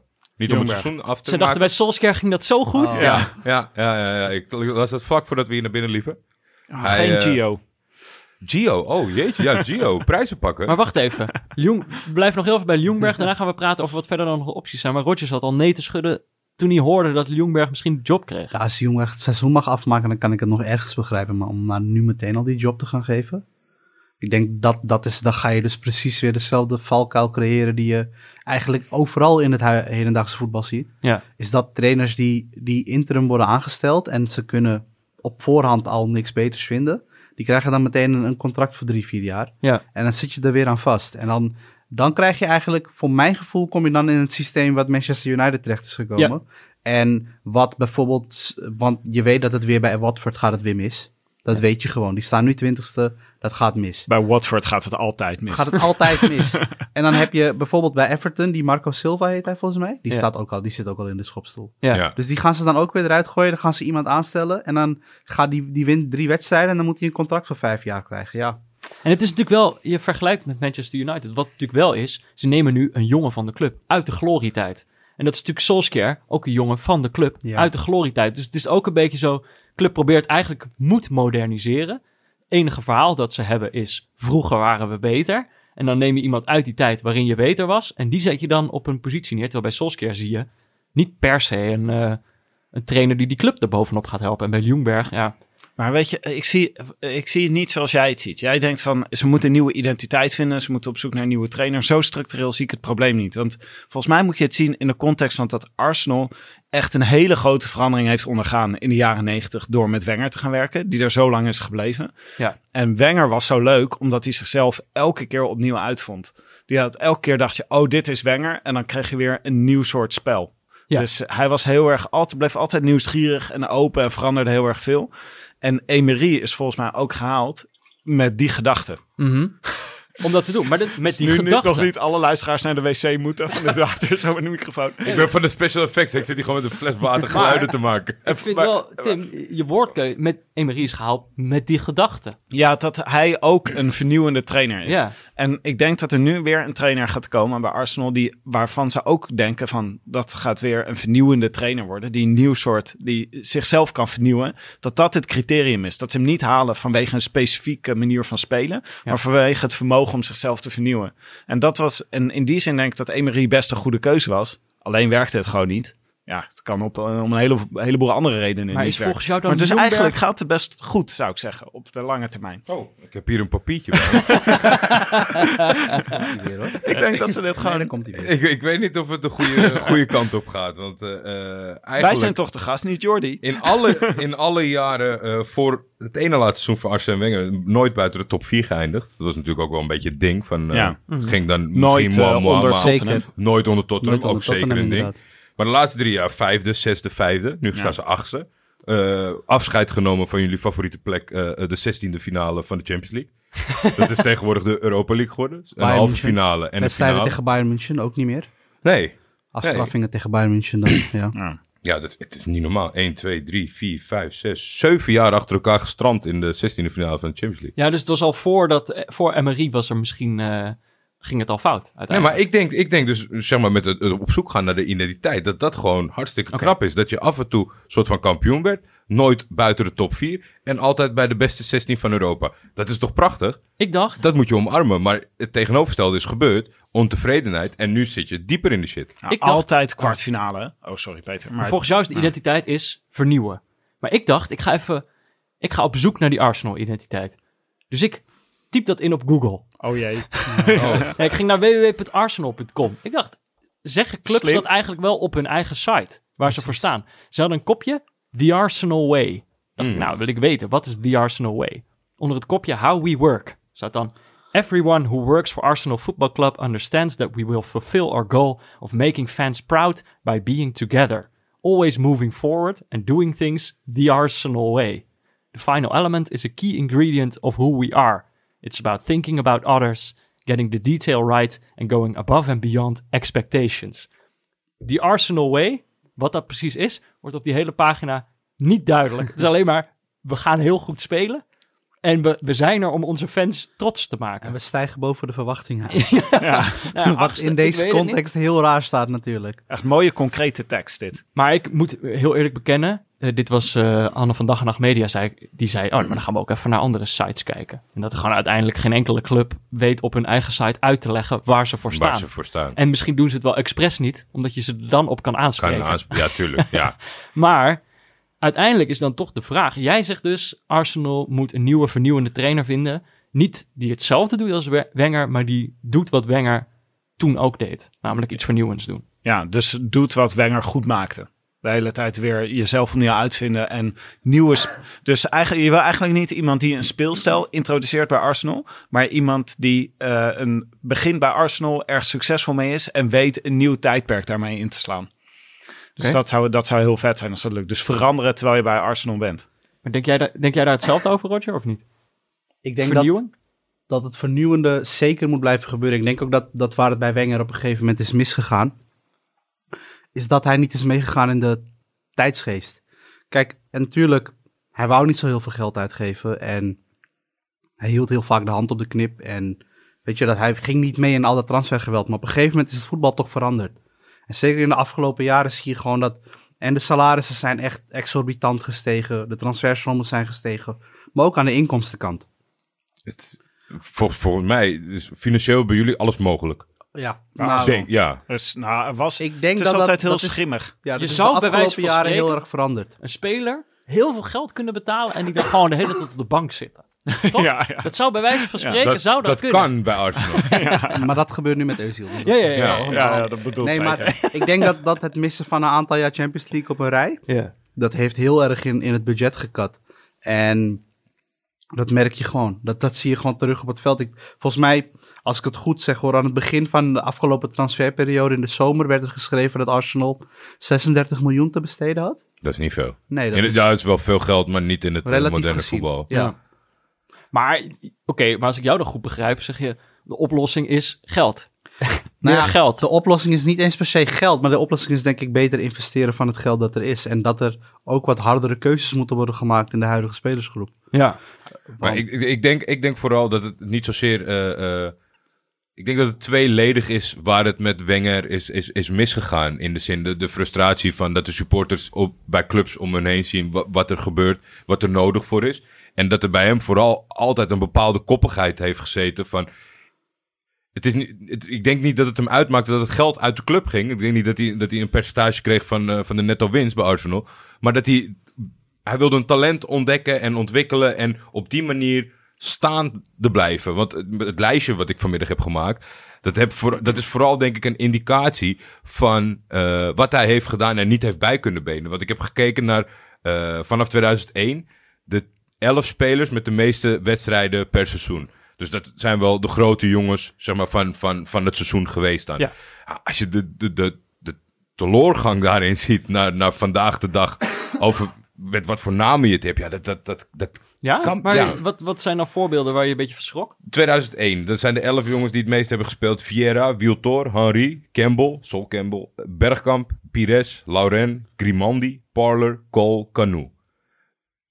Zij hebben mij nooit echt getrokken, maar dat waren, ik denk, zeker de helft spelers waarvan elke andere supporter bij zijn club denkt, tenzij je persoonlijk iets eh, tegen diegene hebt, van die had ik wel graag bij mijn ploeg willen zien rondlopen. Ja. Maar ik denk dat dat ook wel een teken is van de topclub. Dat je een beetje jaloers kijkt als je voor een andere club bent. Van, oh, die hebben wel hele goede spelers of mooie spelers. Ja. Nou, als we dan ergens halverwege gaan, dan komen we uit al bij eh Cazorla, Ramsey, Giroud, Mertesacker, Arteta, Walcott, Podolski, Vermalen, Koscielny, Gibbs, Oxlade-Chamberlain. Dat is ten opzichte van, van, laten we zeggen, vijf, zes jaar daarvoor zitten wel mooie spelers bij. Ook redelijke namen. Maar is al niet dat je denkt van... oh, hier gaan we de, hier gaan we de Champions League mee winnen. En dat moet ik wel Wenger meegeven. Als ik kijk naar het spelersmateriaal... wat steeds afneemt... dat hij altijd in die top 4 is gebleven... en altijd netjes heeft gepresteerd in de Champions League... is dat ontzettend knap. Gaan we nog lager. Dan kom je uit bij Chaka, Bellerin, Welbeck, Iwobi, Lacazette... Tsjech, Wilshire, Mustafi, Monreal... Kolasinac, Özil, Koscielny. Dan zitten er, nog maar, zitten er ineens nog maar één of twee spelers bij waarvan je denkt... Oh, Ja. die kunnen wel goed voetballen. Ja.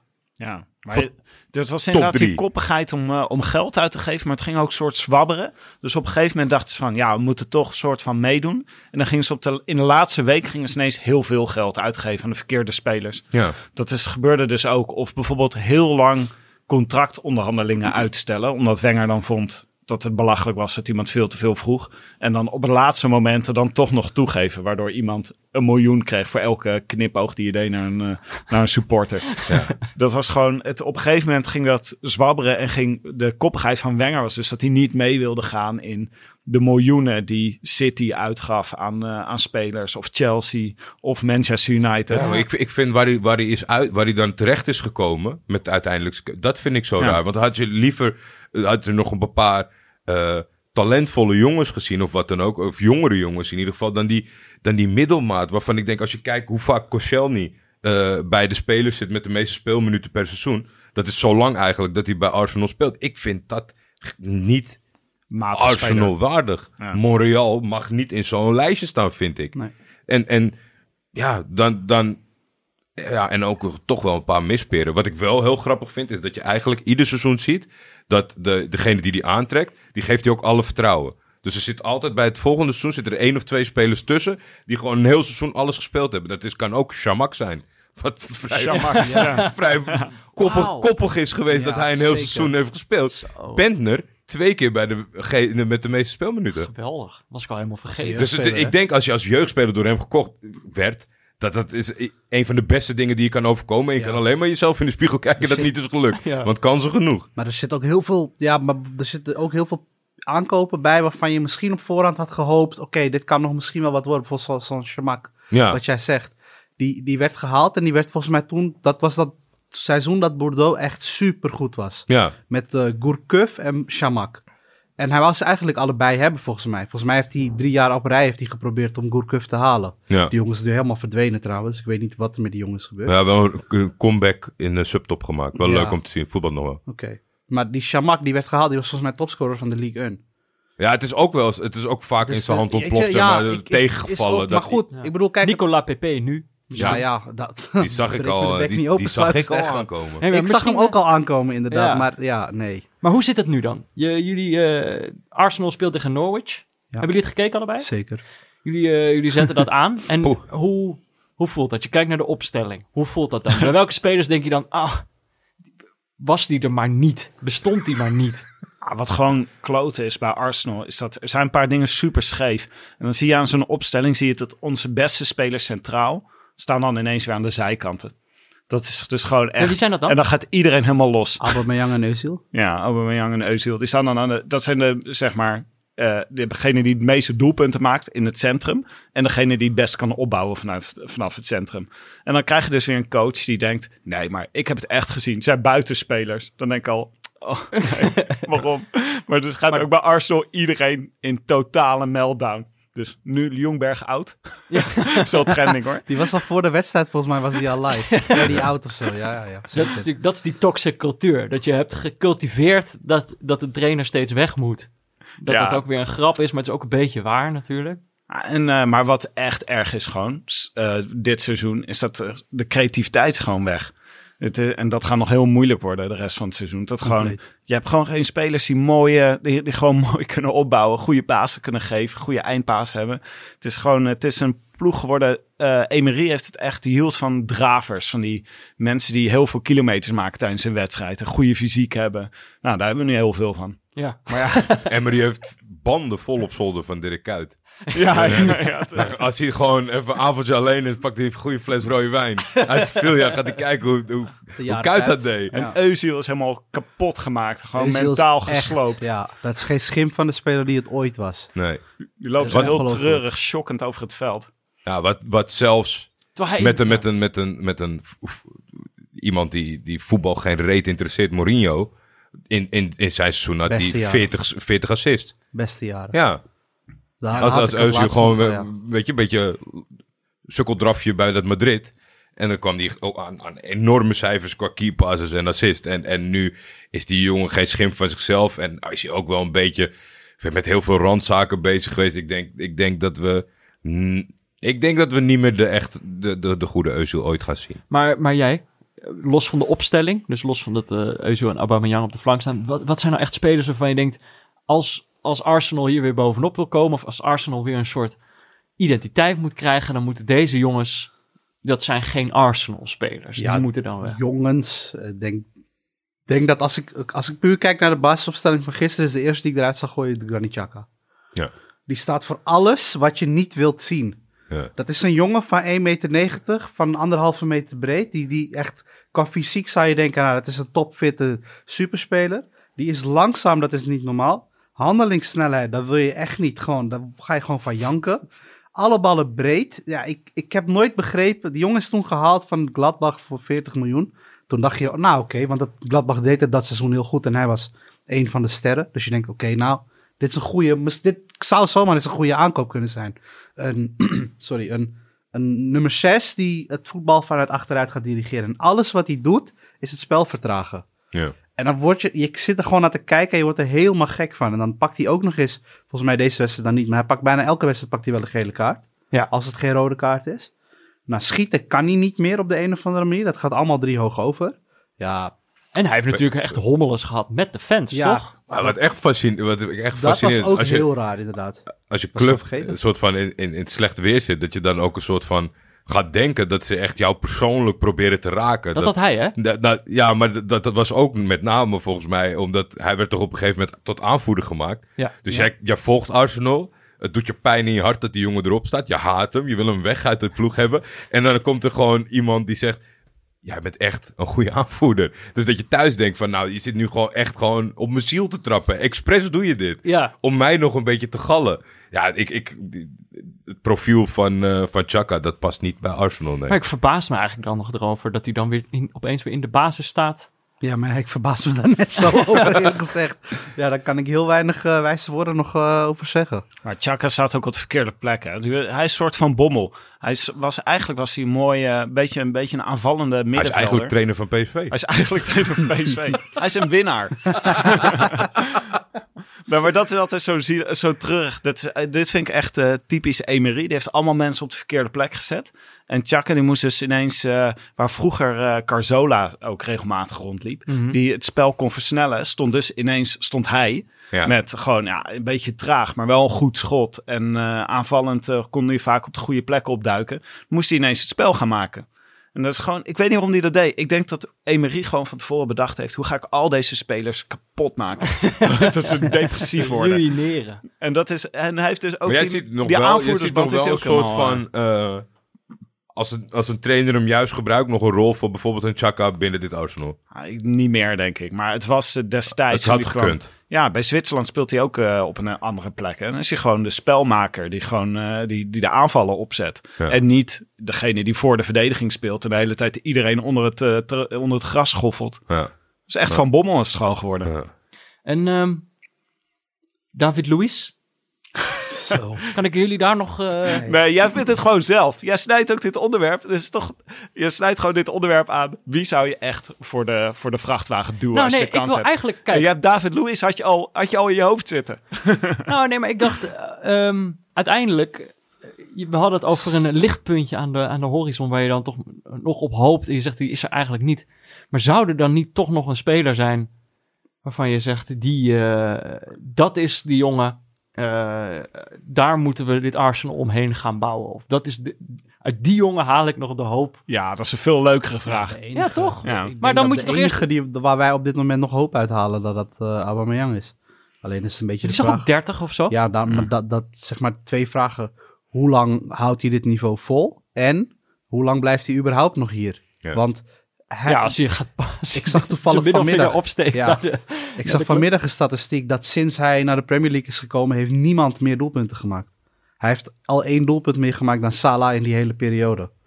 En dan mo- moet je je voorstellen dat hij dat doet bij, bij Arsenal en niet bij Liverpool. Ja, ja, exact. Ja, nee, dat vind ik ook altijd. Ik vind altijd als iemand bij de Graafschap eh, in een seizoentje Eredivisie de 15 maakt, vind ik een stuk knapper dan 30 bij Ajax. Daarom. Maar dat, dat is ook, denk ik, als je nu kijkt naar de selectie, eh, nog de enige houvast richting het verleden. Dat is het niveau Aubameyang in potentie.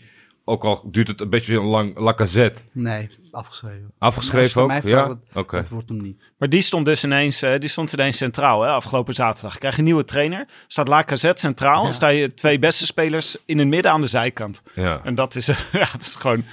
Maar er zijn, Arsenal heeft best wel goede jeugdopleidingen. Er zijn best wel wat spelers uit de jeugd hier aankomen. Want uiteindelijk is dat misschien ook een beetje onderdeel van de traditie, toch? Wenger had ook altijd jonge spelers die je Ja. dan nog niet kende. Guendouzi, is dat dan niet een jongen Ja, uit goed. Frankrijk? Echt nog een beetje uit de traditie Wenger. Wat was dat? De Ligue 2, toch? Waar die vandaan kwam? Lorient, zat hij? Ja, Zelfde club als Koscielny trouwens.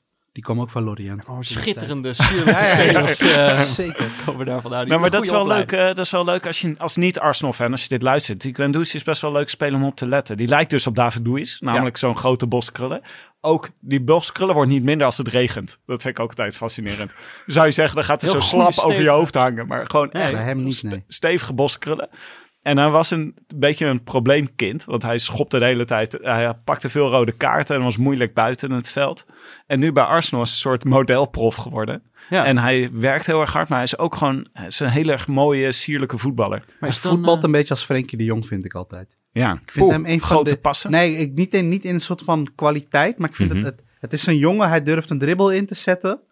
Hij, houdt zijn kopje naar boven en hij durft een paas naar voren te geven. Ik zeg niet dat hij zo goed is of dat hij misschien ooit zo goed gaat worden. Nee, maar de intenties. Maar hij de heeft intenties, de voetballende intenties, die zijn er. En je ziet ook wel echt de potentie. Alleen, het is natuurlijk heel moeilijk om zo'n jongen die hele ploeg te laten dragen. Ja. Is het tweede echte seizoen daar bij, bij, bij dat Arsenal, wat echt geen zelfvertrouwen uitstraalt, weet je. En dat is, ja, dat is, het is wel een lichtpuntje, denk ik. Maar ja, Dus hij moet blijven. een van de, ja zeker, denk het wel. Arsenal is ook een beetje de kakkerclub. Hè? En je hebt nu dus, er komt een hele generatie spelers aan die allemaal dubbele namen hebben. Dat vind ik wel goed bij Maitland Arsenal. Niles. Maitland Niles en Reece Nelson. En eh, je hebt er nog een aantal. Dat Smith Rowe. dat- Smith Rowe. Dat hebben ze Ah, een ja. keer, eh, dat hebben ze een keer onderzocht. Waarvoor het, eh, wat die hele, alle Engelse jeugdelftallen, die zitten nu echt helemaal, maar er is een soort van geweest dat die jongens allemaal dubbele namen zijn gaan omarmen. Volgens mij vanuit, eh, ja, weet niet meer wat het is. Het is, het is, het, het is geen, eh, geen, geen toeval of zo. Want het, het echt bijna alles wat nu nieuw doorkomt, heeft eh, een, een Ja. dubbele achternaam. Ja, Alexander Arnold, is dat ook? Ja, dubbel? ja. Ja. Maar het is uiteindelijk... eh, eh, daar zit dan misschien toch ook nog een beetje hoop in. Wright, moeten niet dat soort Wright Phillips was de eerste. Wright Phillips was de trendsetter. Zo. OG. Oxlade Chamberlain heb je Die natuurlijk. was, die was er ook vroeg. Daar zat ik eerst aan te denken. Toen dacht ik, heb ik nog iets? Ja, Wright Phillips. Wright Phillips was wel... eh, Die was wel Er, eerder. er is natuurlijk ook één ding, want over de jeugdopleiding. Er was een hele generatie die er aan leek te komen waar het niet mee gelukt is. Dat is ook kloten. Dat je dan, Eh, je denkt dan, deze generatie gaat het nu doen. Wilshire en ehm eh, Oxley Chamberlain. En, Walcott. Walcott en eh, Ramsey. En daar, die raakte geblesseerd op het verkeerde moment. En eh, die, eh, of die kon het net niet, die kon het net niet brengen. Of die waren er net niet bij in cruciale wedstrijden. En Zeker. dan kan je dus ook, dan ben je trainer, dan kan je ook gewoon ineens een gat van twee jaar hebben in je plannen, omdat die spelers waarvan je dacht dat die het gingen doen, ja. allemaal wegvallen. En dat is bij, eh, bij eh, Wenger ook wel een beetje gebeurd. Wat ik me ook afvraag, dat is toch weer iets meer vanuit het neutrale, neutrale kijkersperspectief. Jordi en ik zijn altijd gewoon op zoek van wat maakt een wedstrijd nou, nou leuk, weet je wel? Wat, is, wat maakt een wedstrijd nou leuk om te kijken? Maar jullie hebben dus ook gewoon weer Norwich zitten kijken. Misschien toch een beetje uit de, in de hoop van dat er een shock effect is. Het Ljungberg effect, dat het opeens weer goed gaat. Maar is het nog wel leuk om naar die wedstrijden te kijken? Nou, dat is toch een goede vraag. Ja, ja, zeker. Ja. Het is wel minder leuk geworden. Als in, je bent wel pessimistischer naar een wedstrijd van Arsenal gaan kijken. Zeker zolang Emery er zat, ging het, het plezier om voor de buis te gaan zitten, om het zo te zeggen. En Arsenal op te zetten, dat, dat nam wel echt met de wedstrijd af. En dat, dan kom je ook wel echt op het punt dat je, dat je ook niet de tijd ervoor vrijmaakt om die wedstrijd überhaupt te gaan kijken. Dat je niet denkt, oh ja, nou, maar Arsenal speelt. Dus ik ga, dan ga ik dat even checken. Dan kijk je alleen even in je livescore Ja. app en dan denk je, shit, weer. Nee, ik, ik heb de, ik heb de Maar- samenvatting tegen het Eintracht Frankfurt niet eens gekeken, omdat ik dacht, ja... Ik denk dat je dat oprecht niet heel lang volhoudt om, om, om elke keer pessimistisch eh, aan een wedstrijd te beginnen. Nee, Ik, ik, heb dat zelf heel snel. Eigenlijk na, na één verliespartij, dan ben ik voor de volgende wel pessimistisch. Dan denk ik, oh, dat is... Nee, dat valt wel mee. Maar het is, het is, echt, het is echt heel moeilijk. En dat, Ja. dat maakt het neutrale kijken natuurlijk een, een stuk eenvoudiger. Omdat je dat niet hebt. En je kan, je kan pessimisme omdraaien in humor. Of, of, of, of dat je gaat zeggen, nou, we gaan vandaag eens kijken hoe Arsenal eh, de pottenbak ingaat. Dus dat, dat haal je dat effect weg. Want als het een club is die je, wat, die je raakt... En als je daar pessimistisch voor gaat zitten en dat kan ook nog een soort van dat je hoopt dat het een soort van jinx is. Van ik, ah, vandaag gaan we weer verliezen hoor. En dan, yes, toch- toch gewonnen. Ja. Maar als dat ook steeds uitblijft, eh, dat is vervelend hoor. Nou, kan ik je vertellen. En kijk, voor mij is dus neutrale kijken is ook deels een vlucht. Omdat ik dan altijd denk van ja, eh, ik, ik vind het leuk. Ik, ik ben gewoon echt een successupporter. Dus ik vind het leuk om me te laten vervoeren als het goed gaat. Maar als het slecht gaat, dan heb ik onmiddellijk het gevoel ja, maar ik ga niet mijn dag laten Ik heb verpesten. nooit. Arsenal gezien. Nee, ik denk dus misschien zijn jullie ook wel veel beter in, in, in, in, in het omgaan met die vorm van verdriet. Weet je wat ik had opgezocht? Ja, het, zei, het is natuurlijk ook echt liefde. Maar ik dacht, jullie zitten misschien ook in een soort... In rouw zijn jullie eigenlijk. Om jullie club. En rouw heeft vijf fases. Oh, nee. Dus in het begin met... Welke ont- fase zitten we nu? begin met nou, ik denk, ik heb ik het- denk dat de conclusie pijnlijk is. Als ik ik, denk, zit even te eh, kijken. Nou, nee, ik denk... Ja, precies. De conclusie is heel pijnlijk. De conclusie is nummer vijf. Het begint met ontkenning. Dus in het begin denk je nog, nee, nee, nee, het gaat niet slecht. Het gaat niet slecht, we komen hier wel, weet je wel, het gaat gewoon drie weken slecht, drie wedstrijden verloren, kom wel weer goed. Dat is deel 1. Twee is woede. Nou, die hebben we wel gezien. Dat is Arsenal full, fan full TV. Arsenal fan TV. Jazeker. Dat is de woede. Drie is onderhandeling. Dus dan ga je nog een beetje kijken van, kan ik hier nog onderuit komen uit deze, deze rouw? Kan ik niet iets, eh, weet je wel, dan ga je excuses verzinnen. Ik denk dat we daar nu een beetje in zitten. Dat je nog denkt van, kunnen we niet nog, toch nog hier een oplossing voor vinden? Kan het niet beter worden. En ja, dan is het inderdaad wel vier. Punt vier is dan eh, depressie. Eh, daar moet je dus eerst doorheen. Dus het, het- de conclusie zou zijn, want uiteindelijk, punt vijf is aanvaarding. Dan zou je gewoon accepteren, dit is wat Arsenal is. Het komt nooit meer goed. ik, ik ben zelf, ondanks dat ik ja, van een afstandje zit ik bij punt vijf. Vijf, aanvaarding. Ik, zit- ik, zit, ik zit bij aanvaarding dat, dat het Arsenal eh, de beste tijd geweest is. En ik zie dat niet. Ik zie Tijn niet meer keren. Jordi zit bij punt 6. Die zit bij Schadenfreude. Die geniet er heel erg van. Nee, maar dat is echt. Ja, zou ook Ik kunnen, kan ja. zeg maar. eh, eh, eh, tuurlijk vind ik het ontzettend leuk om, om mensen die voor Arsenal zijn te pesten. Ook met name omdat ik nu zelf gewoon een, slecht seizoen heb qua Turks club zijnde. Maar ik ben echt bloedserieus als ik. Ik zie Arsenal de aankomende jaren hier niet uit opkrabbelen. Ik dacht ik zie wij- geen perspectief in die ploeg. Ik dacht, we gaan de jongens weer hoop geven. Sorry. Dat hebben Sorry. ze allebei gezegd. Weet je wat het is, Peter? Ik zeg een nieuwe nog- trainer. Komt een transferperiode aan. Wie weet dit seizoen nog? Het eerste wat... Liverpool staat maar 22 punten voor. Het, eerste wat, wat, rond. het eerste wat Roger zei toen hij binnenkwam, zei hij, ik ben verloren, ik voel me verloren of zo. Zoiets zei je. Ja. Toen dacht ik, toen dacht ik, verdwaald en verloren, zei je. Ja. toch? Ja, maar wacht Toen dacht even. ik, ik, ik wil die jongen hoop geven. Ik heb een beter lichtpuntje. Weet je wie er onder Arsenal staat? Tottenham. Ja, maar is dat een licht? Jij toch die rivaliteit haal jij dan weer? Nou, ik ben Tottenham wel nog even een graadje extra gaan haten dan vorig jaar. Oh ja, zeker. Ik bedoel, dit, ze, hadden, ze waren al de aardsvijand van Arsenal. Moet Ajax tegen ze in de Champions League. nou ja, dan wat er daar... Ja, je hebt ik had al zo... Ik vond, maar het risico is dat Pochettino natuurlijk volgend jaar Ja. ineens bij Arsenal is. Maar dat, zou dat niet goed zijn, Pochettino? Nee. Ik zou het echt belabberd vinden. Ja? Dat zou ik echt... Nou, bijzonder. Dat is echt de raarste move ooit Maar dat zou niet een trainer zijn à la Sportieve Wenger. wraak. Innovatief, met weinig materiaal. Nee, slecht vind ik materiaal. juist niet. Goed, iemand die het Gewoon een beleid kan klager. uitzetten. Dus iemand die zegt eh, dat het aan iemand anders ligt als het slecht gaat. Dat is Pochettino. En dat is niet Arsenal, zeg jij. Nee. Ik ben wel een beetje de Pochettino van deze podcast dan. Het is een slechtere uitzending, dan was, zat Peter er niet lekker in. Dan lopen we in de buiten. Nee, maar Ja, ik, je vind nog wel even interessant, omdat rivaliteit is wel mijn dingetje. Want ik, ik, ik weet niet zo goed eh, wat, de wat de onderliggende... Ik vind, ik vind Tottenham niet zo haatbaar als ik niet invested ben in de onderliggende verhalen. Nee. Wat, wat, wat zijn een paar, drie, drie speerpunten wat ah, Tottenham zo'n kutclub maakt? Nou, ja, ten eerste is het gewoon de andere club uit London. Ja. Dus dan is het al sowieso wie is de nummer één. Ja. Dat zijn wij natuurlijk. Arsenal. ja. Daarnaast, ja, ik, ik weet niet. Ik heb, ik heb nooit echt een soort van hele grote haat gehad. Maar toen kreeg je die periode dat, ehm, dat, je, dat je opeens eh Adebayor had je daar spelen. En dan kreeg je weer eh, Garrett Bale en eh, Van der Vaart. En toen werd het echt een beetje opgeleid, denk ik, die rivaliteit meer en meer. Ook omdat Arsenal toen al aan het afzakken was. Ja, toen ging ze echt Ze meer kwamen wat dichter bij elkaar. wat dichter bij elkaar. En toen was het wel, toen ging het er wel steeds meer om spannen van, zijn wij nog wel beter dan die andere club? Ja. Terwijl voorheen wist je het wel eigenlijk. Maar er, zijn- er zijn niet echt speerpunten van het karakter van de club of, of de, de uitlatingen van de supporters, waardoor het gevoed wordt. Het is, of is dat puur sportieve rivaliteit? Nou, ik heb dus ook echt, omdat ze heel veel spelers bij Ajax altijd weghalen. Dat ze, op een gegeven moment kreeg je dus gewoon... Toen, het was maar gewoon daar kan Arsenal geen last van hebben. Hoe, hoe is die club een rivaal geworden? Ja, nou, maar dat kan ik toch. Je vraagt, Nee, ja, ja, gaat het om, moet ik interpreteren wat de andere Arsenal-fans daarvan vinden? Nee, oké.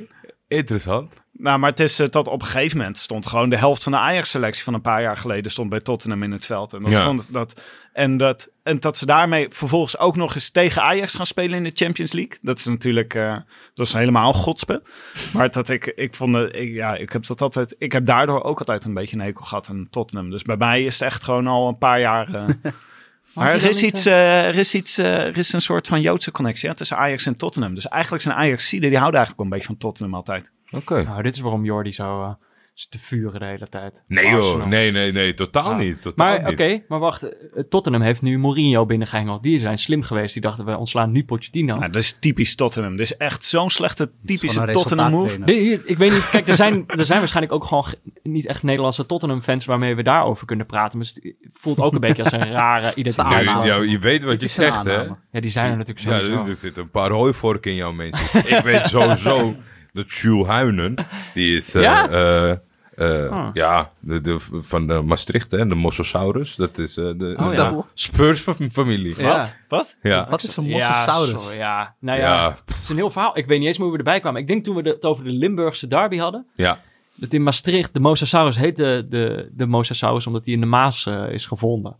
En eh, Die nou was ja, gestolen door Fransen in de oorlog. Dat skelet en dat wilden ze niet teruggeven. ja. Klootzakken. Maar ik wilde toch, toch even terug naar Arsenal. Altijd die Fransen, hè? Een soort hoopvolle toekomst. Tim, ik zag jou tweeten over Arteta. Ja, dat is een beetje de hoop, hè? Die is nu eh, assistent bij eh, Guardiola, Ja, bij eh, City. En daar verwachten ze heel veel van. Want dat was al een beetje een, een trainer, trainer-coach toen hij gewoon speelde bij Arsenal. Vond een heel populair, slimme gast. En die, daar zeggen ze nu van, dat is een hele interessante trainer aan het worden. Want die is nu, zoals eh, Pieter Ja. Zwart vertelt het altijd mooi. Het is aan kennis gaan opzuigen ergens anders. Dat Als vind ik een heel vet. ja. Een soort, eh, ze moeten eerst hun, eh, hun meters maken bij andere trainers. En eh, daar zeggen ze dus van ja, dat die misschien eh, dat dat een toekomstige nieuwe Wenger voor Arsenal is. Dus dan zou je misschien dit jaar tot het einde van het seizoen Jong, Jongberg krijgen. En dan eh, Freddy Ball. ja, Freddy Bal. En dan aan het einde van het in de zomer Arteta. Zou kunnen. Jordi is heel tevreden met Freddy Jongbal. Ik had Jongbal. Jongbal? Jongbal is beter. Jongbal is Omdat je het beter. gewoon niet kan wel uitspreken. beter. Eerste Freddy Bal was, nou, kleine zalen. Ik ga, ik ga Hij is wel deze, leuk, hoor. deze hashtag in maar het we leven hebben ook al bij de Fredbal. eerstvolgende wedstrijd. Jongbal. Fredbal, ja. Fredbal kan niet. Fred Bal eh, is niet meer. Nee, maar dat, die hadden we al, dus dat eh, Ja. overlapte. Is hij vrij? Is, is Fred Rutte vrij? Is hij- Ja, kansen. Zo zie ik wanhopig wel. zou nou zie ook ik weer niet, denk ik hoor. Het is wel die gemoedelijke Maar heb jij nog een ideale kandidaat? Ideale kandidaat. Niet ook Fred Rutte noemen, hè? Nou, eigenlijk dacht ik aan Allegri. Ja. Ja. Heeft het jaren bij Juventus echt goed gedaan. En hij wordt altijd overal, hij wordt overal genoemd, maar hij wordt nergens aangenomen. Want hij werd bij Bayern München wordt hij ook al vanaf eh Kovac genoemd. Ja. Maar bij Chelsea werd hij ook genoemd, dacht ik. United werd hij genoemd, maar niemand neemt hem. Dus of er is iets, me- is iets met de beste man aan de hand. Ja, Ehm, dat, Maar ik vind het wel echt een, een hele interessante optie. dat vond ik nog wel grappig, omdat ik bij Arsenal kan nog een heel klein zijstapje maken naar Wenger met Bayern München. Die kikte natuurlijk Kovac eruit. Toen gaf hij aan van, nou, vind ik best wel een Oh, leuke club. Hé, ik heb, ik ze- geen werk. ja, en toen zei München, nou, we, hebben niet, we hoeven Wenger niet. Zei hij, maar ik wil ook niet naar Bayern. Ik heb alleen Nee, nee, nee, Wenger zei juist, die zei van, nee, ik heb gewoon eh, ik heb contact gehad met Bayern. En eh, we, we hebben hierover gepraat. Wenger die ging juist bakcel halen, gewoon publiekelijk. Dat Oké. vond, ik, vond ik wel mooi. Dat hij gewoon ging zeggen van, ja, ja nee, ik, eh, ik had ze gebeld. En ik had contact met ze gehad. Maar daarna kwam inderdaad misschien wel in het rouwproces de ontkenningsfase. Ja, precies. Die, die ontkenning vond ik zo mooi van... eh, ja, ik denk dat hij misschien zoiets had van... Nou ja, als de grote Arsène zegt... eh, kan, wel een keertje, kan wel een keertje met jullie praten. Dat hij dan op gesprek had, had kunnen komen. Kan die jongens wel leren voetballen. Maar Allegri, ja. Maar het, is, het genoemd worden van...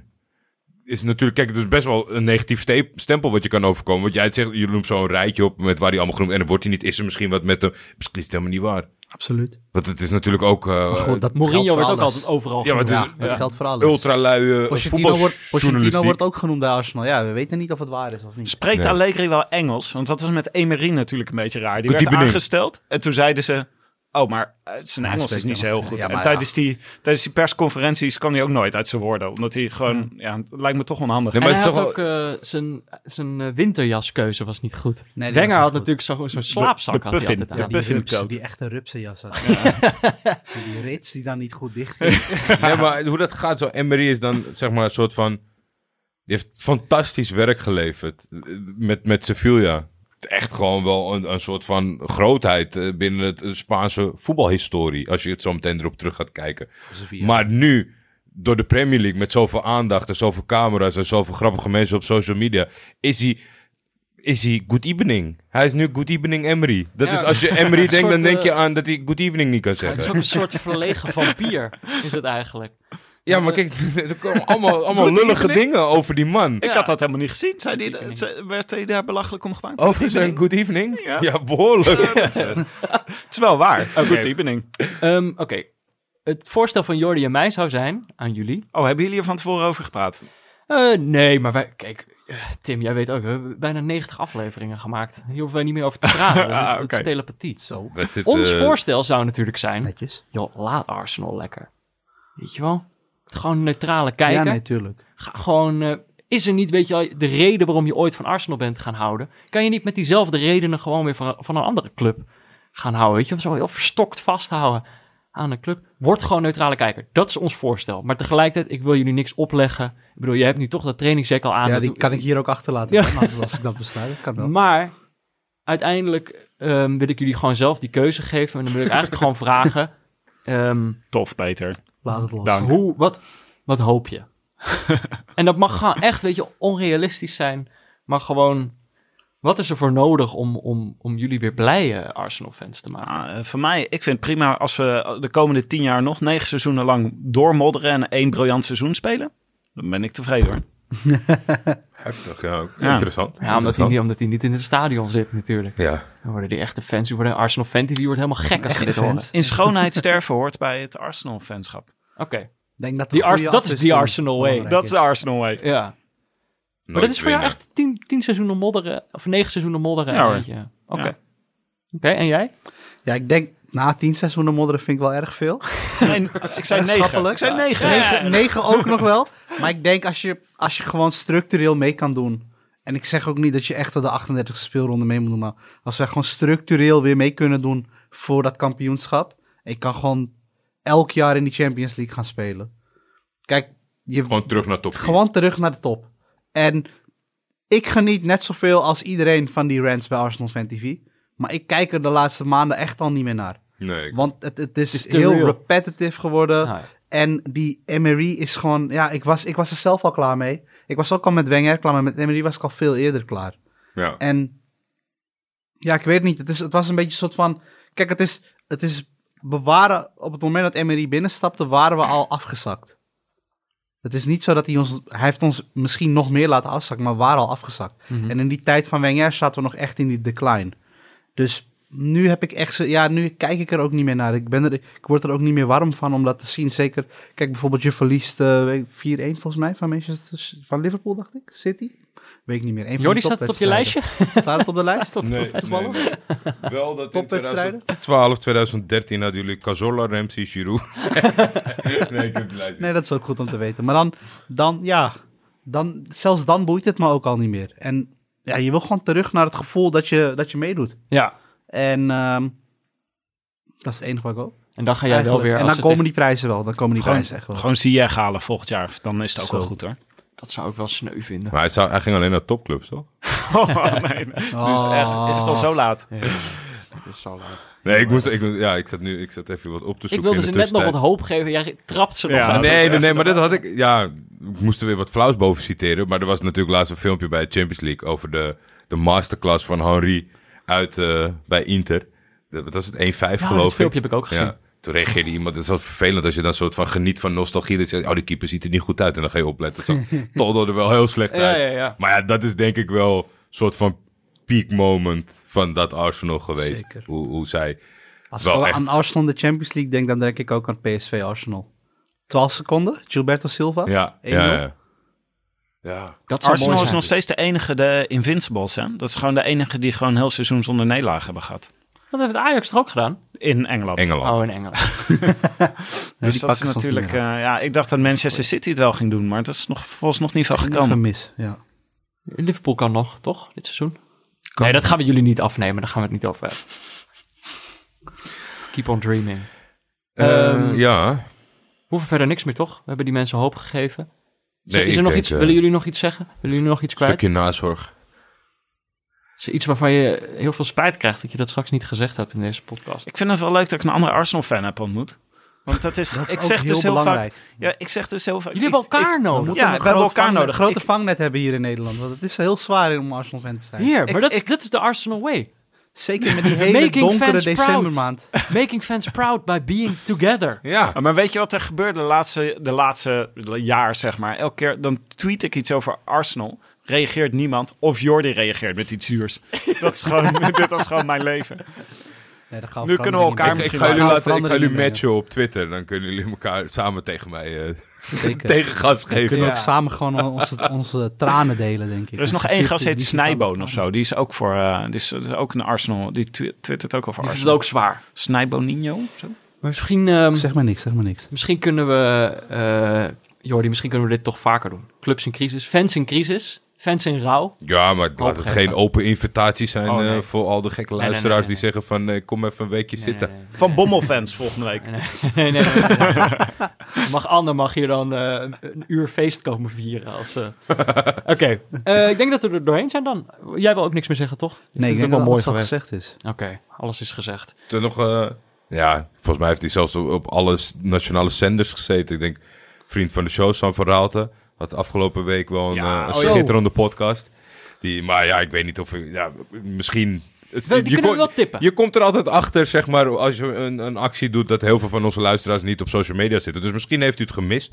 Eh, de podcast eh, van Vice Sports. Ja. Eh, De deze wereld van heet Vice Sports heet hij Ja. De leugens van nepvoetballer Bernio Jordan en zo Verhagen. Wat een verhaal. Prachtig. Totaal geen, eh, geen, geen naam waardoor je gaat denken, hey, dat zijn wel heel veel namen. ik weet niet, ik zag, ik zag alleen de kop voordat ik ging luisteren. Ik dacht, ja, vier namen. En dan ook niet dat je denkt van, eh, dat is, zijn opa of zijn vaders naam. Ik, eh, ik, voelde zeggen- al nattigheid. En er zit een boel nattigheid in de uitzending. Die, die naam is het minst bizarre van die hele jongen. Dat is wel waar. Ja. Net een Arsenal jeugdspeler. Zoveel namen. Ja, Ja, ja, ja, ja. Nee, maar dus, dat is absoluut een uh, luistertip. eh eh, eh, dat vind ik de wereld van Vice Sport, Sam Ja. Absoluut luisteren. Ben ik ook mee eens. Ik was inderdaad helemaal vergeten aan jou te vragen of jij nog iets kwijt wilde. Maar ja, dat, Maar dat geeft niet. is- Ik, ik, eh, ik pak mijn moment wel. hoor. Ik, wel in. ik wacht helemaal niet tot ik toestemming krijg. Het is mijn podcast hier. Ook mijn podcast. Together. Die hoort- Togetherness. Together. Oké, dit was Neutrale Kijkers. eh, mede mogelijk gemaakt door Dag en Nacht Media. Bedankt Tim.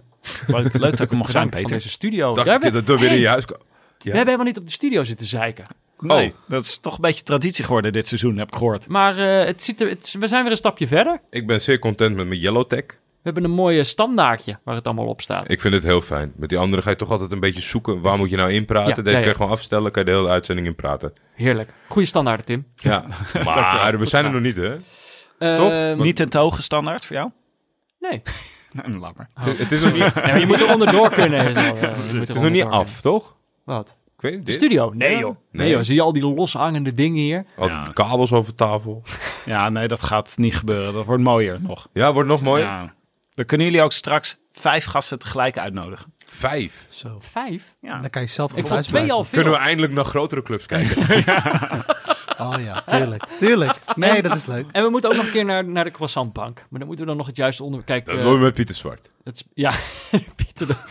Ik heb gehoord, De tijdens de, loungeman. na de uitzending met Pieter Zwart kunnen we een, een voetbalmanager weggeven. Oh, Wist je nou, dat? dat vind ik een leuke... Dan weten de luisteraars dat alvast. Ik ben alweer flink aan, ik ben alweer flink aan het spelen. Is Check Sloetski nu al op zoek? onderwerpen. Huh? Is Sloetski nu al op zoek?